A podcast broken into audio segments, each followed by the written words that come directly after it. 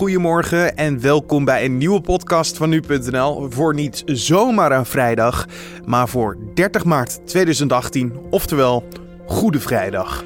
Je luistert naar de Dit wordt het nieuws podcast en mijn naam is Carne van der Brink. Ik praat je vandaag weer bij over het nieuws van gisteravond en wat voor dag het vandaag gaat worden. We gaan bijvoorbeeld aandacht besteden aan de nieuwe speelronde in de Eredivisie en kan 1 april nog wel in deze tijd. Maar eerst kijken we kort terug naar het belangrijkste nieuws van afgelopen nacht. De Franse president Emmanuel Macron heeft gisteren aangeboden te bemiddelen tussen Turkije en de Syrische Democratische Strijdkrachten, een Koerdische Arabische coalitie. De twee partijen zijn al enige tijd met elkaar in conflict in Syrië en dit zal dus een volgende stap kunnen zijn. Bij een brand in een bungalow in Zandvoort is een dode gevallen. De brand ontstond rond tien voor half één en was voor twee uur door de brandweer geblust. Hoe de brand is ontstaan is nog niet bekend, want de politie is nog bezig met het onderzoek. De Amerikaanse president Donald Trump heeft gezegd dat hij het gesloten handelsakkoord met Zuid-Korea misschien pas ondertekent na zijn ontmoeting met de Noord-Koreaanse leider Kim Jong-un. Op die manier denkt hij dat het akkoord als pressiemiddel in te kunnen zetten tegen Zuid-Korea. Trump denkt dat de Zuid-Koreanen te gemakkelijke concessies willen doen tijdens een ontmoeting met Noord-Korea eind april. Dat hoopt hij op deze manier te voorkomen. Bij een brand in een bus in Thailand zijn 20 mensen om het leven gekomen. De bus zat vol met 47 arbeiders uit Myanmar die naar Thailand gingen om te werken. Nog drie mensen raakten gewond en de rest kon op tijd de bus verlaten. En dan kijken we naar het nieuws van vandaag, oftewel dit wordt het nieuws. Na de Interlands van vorige week begint de Eredivisie morgen weer. Het begon afgelopen maandag eigenlijk al met het nieuws over FC Twente. De trainer Gert-Jan Verbeek werd namelijk daar ontslagen. Je hoort nu sportredacteur Riepke Bakker met zijn visie. Ja, Gert-Jan Verbeek. En uh, ja, op zich zat het ook wel een beetje aan te komen, want ik heb nog even opgezocht. Gert-Jan Verbeek is de slechtste trainer die Twente ooit gehad heeft. Uh, onder leiding van Gert-Jan werd 6% van de wedstrijden gewonnen. Dat is niet veel. Nee, nee Spits Koon uh, was de één na slechtste. Dat was tot, tot Gert-Jan de slecht. Die won 23% van de wedstrijden. Nou, dus kun je nagaan, zo slecht was Gert-Jan Verbeek. De problemen zijn ernstig. Twee trainers ontslagen in één seizoen. Gebeurt ook niet vaak. Nee, dat is, uh, is redelijk uitzonderlijk. René Haken vloog er eerder uit. En ook, wat ook uitzonderlijk is, dat de man die uh, ja, Gertjan Verbeek nu gaat vervangen... ook weer de man was die eerst um, uh, René Haken opvolgde. Dus ook nog eens twee keer dezelfde interim trainer in, twee, in, in één seizoen tijd. Marino Pusic, hij spreekt zeven talen. Dat kan, kan handig zijn in het vreemde legioen, wat, vreemdelingenlegioen... wat FC Twente toch wel een beetje is. En hij moet nu de redder worden van FC Twente. Gebruiken ze deze tijd om dan toch verder te zoeken naar een geschikte kandidaat voor volgend seizoen? Of zullen we voor het einde van dit seizoen nog een nieuwe trainer opmerken? Nee, het is nu echt puur overleven. Het is uh, Pusic die, uh, die de boel moet gaan afmaken. Uh, ooit assistent geweest bij NAC, ooit assistent geweest bij Inter Baku, Vitesse jeugd gedaan. Veel in het actief geweest hij moet het doen. En het is natuurlijk ook voor een nieuwe trainer aanstellen. Is natuurlijk de grote vraag: ja, ga jij instappen bij een club die volgend jaar in de Jupiler League speelt? Nou ja, dan heeft een trainer uiteraard wat minder oren naar FC Twente. Dus Twente moet eerst overleven. En uh, ja, als ze dan erin blijven, dan zijn er waarschijnlijk wat uh, meer trainers happig op, uh, op FC Twente. Overleven vooral, want ja, de laatste positie, Rode JC en Sparta, daarmee vechten ze eigenlijk om in die eredivisie te blijven. Kunnen we iets zeggen over die kansen? Nee, het is een beetje een cliché, maar dat het. Ja, het, het, het zijn, uh, het, draait eigenlijk ook niet bij Roda. Het draait, nou ja, het aller, aller, aller slechtste bij FC Twente. Onder Verbeek werd er maar één keer gewonnen. Bij Sparta gaat het iets lekkerder. Hè? Dick Advocaat heeft er redelijk de swoon. En heeft ook een heel elftal met, uh, met nieuwe namen. Met de Fridays en de Kramers van deze wereld. Dus zij lijken redelijk in het voordeel. En dan is het ja, Twente of Roda wat er direct uitvliegt. Maar ja, zelfs dan, dan blijf je erin. Maar dan moet je alsnog weer die play-offs in. Dus FC Twente, Roda, ook al worden ze geen laatste, ze zijn er nog lang niet. Dan gaan we eventjes naar de titelrace, want die is ook nog gaande natuurlijk. Zaterdag PSV tegen NAC Breda. Ja, en het, het, grappigste statistiekje vond ik wel wat ik vond was uh, Stijn Vreven. Dat is de trainer van NAC Breda. Die, uh, die wordt nog wel eens uh, geschorst. En die zit nu ook weer de laatste wedstrijd van in totaal drie wedstrijden schorsing uit. En het leuke is, Stijn Vreven zonder Stijn Vreven op de bank pakt NAC gemiddeld 1,2 punt per wedstrijd. En met Stijn Vreven is dat 0,9 punt per wedstrijd. Dus in dat, wat dat betreft zou je zeggen, nou, PSV tegen NAC. Het is een voordeeltje voor NAC dat Vreven nog even geschorst is. Ja, PSV is al 28 thuiswedstrijden ongeslagen in de Eredivisie. En NAC heeft, ja, de laatste keer dat NAC wist te winnen eh, bij PSV was op 28 mei 1995. John Lammers, Kees van Wonderen scoorde andere, onder andere voor NAC. Ja, het is bijna zwart-wit. ja, zo slecht is NAC gemiddeld uh, bij PSV eigenlijk. Nou, dan naar de nummer 2. Ajax, die speelt uit tegen Groningen. Hoeveel kans? Nou ja, eh, we, we denken allemaal dat FC Groningen een, een, vrij slecht seizoen heeft. Dat is natuurlijk ook zo. Maar het grappige is dat FC Groningen thuis in dat Noordlies stadion, dat het toch wel een redelijke vesting is. Ze zijn nu al zes thuiswedstrijden op rij ongeslagen. Vorig jaar leed Ajax daar ook puntenverlies, werd het 1-1. Eh, en ja, haakte ze ook een beetje af in de titelstrijd toen met Feyenoord. Dus ze hebben het traditioneel wel redelijk lastig bij FC Groningen. Ja, ze moeten nu wel natuurlijk. Want nu nog een keer gelijk spelen of verliezen, dan is het wel echt gedaan. Het, het, het, is bijna al gedaan inderdaad. En ja, als het, als het nog groter wordt, is het gedaan. Nou goed, iedereen is uitgewaaid ongeveer bij Ajax. Iedereen heeft interlands gehad. Alleen Huntela en Neres hebben deze week van de, van de basisspelers in Amsterdam getraind. Je, zou zeggen met ja, de, de, de kwaliteit die Ajax heeft. Hè. Ze hebben nu ook bijvoorbeeld nog maar twee doelpuntjes minder dan ze vorig jaar in het hele seizoen, het leuke seizoen onder Bos hebben gemaakt. Dus scorend zit het ook allemaal wel goed. Ja, zou je denken, het, het moet wel goed komen uit bij Groningen. Riepke Bakker was dat. In de titelstrijd speelt PSV morgen dus thuis tegen NAC Breda om kwart voor acht. En in Groningen trapt Ajax zondag af om half drie. Als Pasen en 1 april op één dag vallen. Het klinkt als een slechte grap, maar toch is het echt zo. Gisteren hebben wij het al uitgebreid gehad over de paasviering, bijvoorbeeld door de Passion. Maar laten we het vandaag even hebben over 1 april. Want kunnen wij nog grappen maken? En vat het totaal niet te zwaarmoedig op, maar met alle berichten over fake nieuws en snelle berichtgeving, is dan een grap nog wel een grap? Dat zocht journalist Robert Blokland voor ons uit. Nou ja, kan het nog wel. Uh, er zijn diverse experts die ik gesproken heb uh, op het gebied van media. Uh, hoogleraar Huub Wijfjes uit Groningen, Peter Burger uit Leiden en de grote baas van de NVJ, Thomas Bruning. En die zeggen allemaal van het kan in principe wel, alleen het gaat wel om 1 april. als er echt grappen gemaakt worden of als bedrijven zich willen profileren rond 1 april, dan moeten ze wel de dag zelf doen. Dan kunnen journalisten heel alert zijn.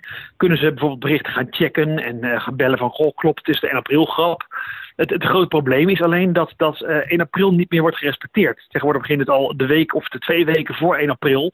Of proberen bedrijven zich met, met grappen of met fake nieuws op andere momenten in het jaar te profileren. En dan is het voor media veel moeilijker om uh, het te ontmaskeren als fake nieuws. Zeker als bedrijven blijven volhouden dat het toch geen grap is iets. Als je bij het begin begint, dan is het ook al heel simpel. Want het heeft een heel aardig geschiedenislesje in zich. Waarom 1 april 1 april eigenlijk is. Daar ben je ook achter gegaan, toch? Nou, het is een beetje schimmig waar 1 april vandaan komt. Er zijn verschillende uh, mythen en verschillende verhalen uh, die de oorsprong van 1 april proberen te duiden.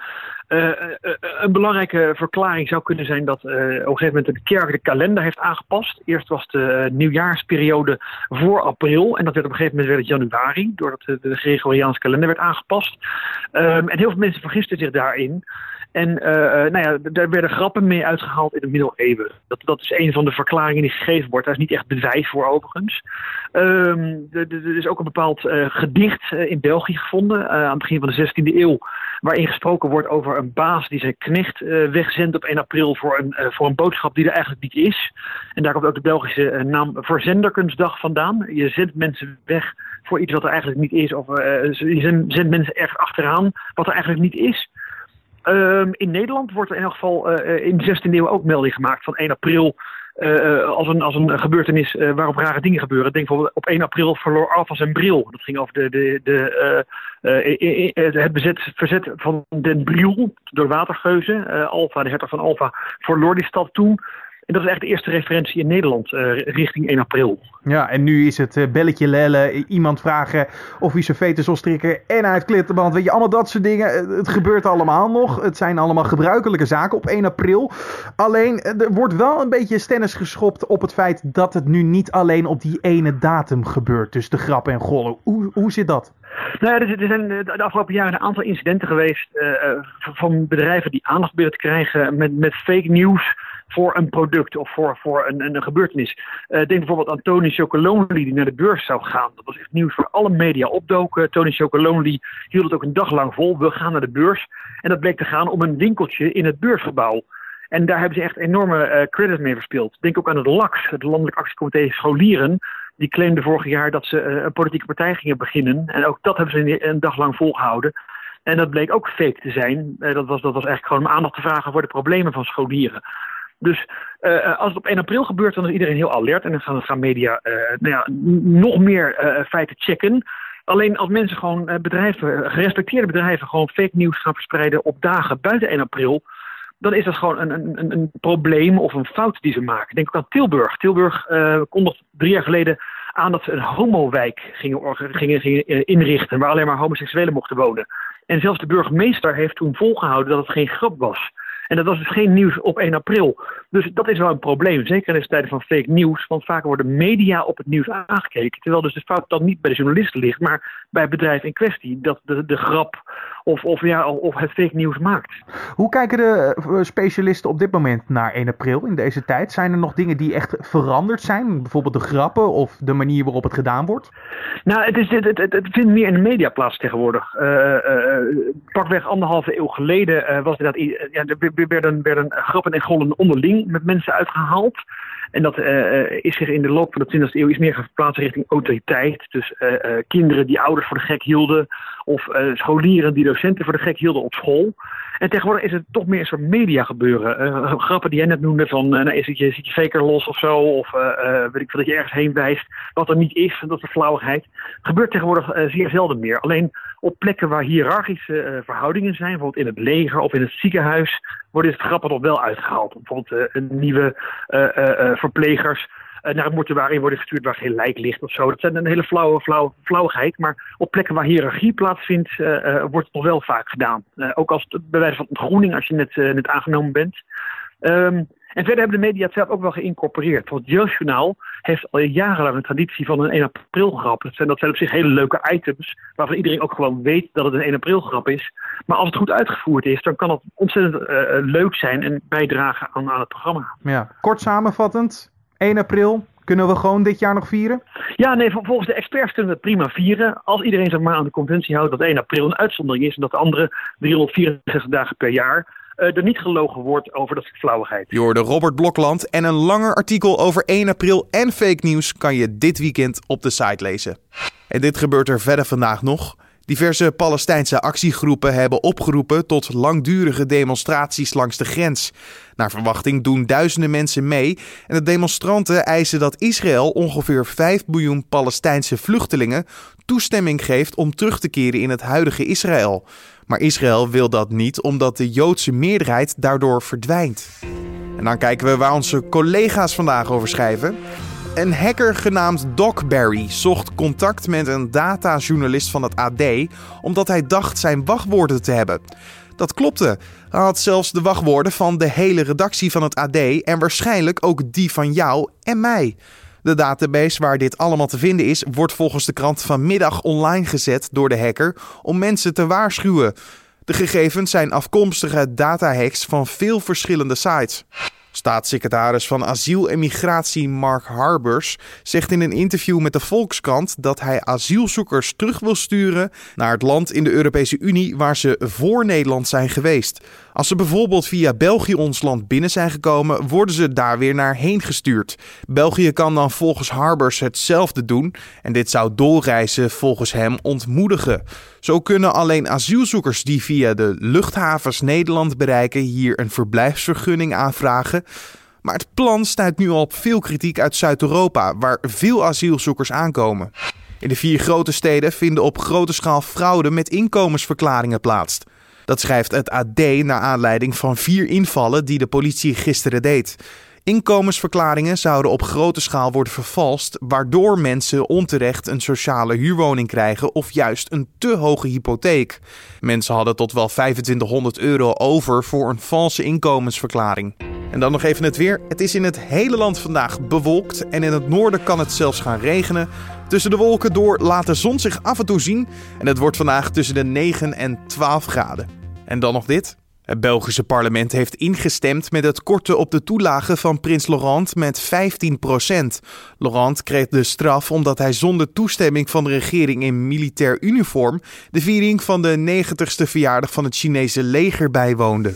Dit was dan de Dit wordt het nieuws podcast voor deze vrijdag 30 maart. Je vindt deze podcast natuurlijk elke maandag tot met vrijdag op nu.nl om 6 uur ochtends in je podcast app of via Spotify. Laat ons weten op welke manier jij het fijnste naar deze podcast luistert, wat je verbeterd zou willen zien of natuurlijk of je iets anders zou willen horen. We horen het graag via een mailtje at of natuurlijk via een recensie op iTunes. We wensen je een mooi paasweekend. Wij zijn er pas weer dinsdag. Dat komt omdat wij ook Pasen gaan vieren even. En dan zien we elkaar dan. Dus voor nu een mooie dag, een goede vrijdag. Maak er een goede van. En dan zien we elkaar weer dinsdag. Tot dan.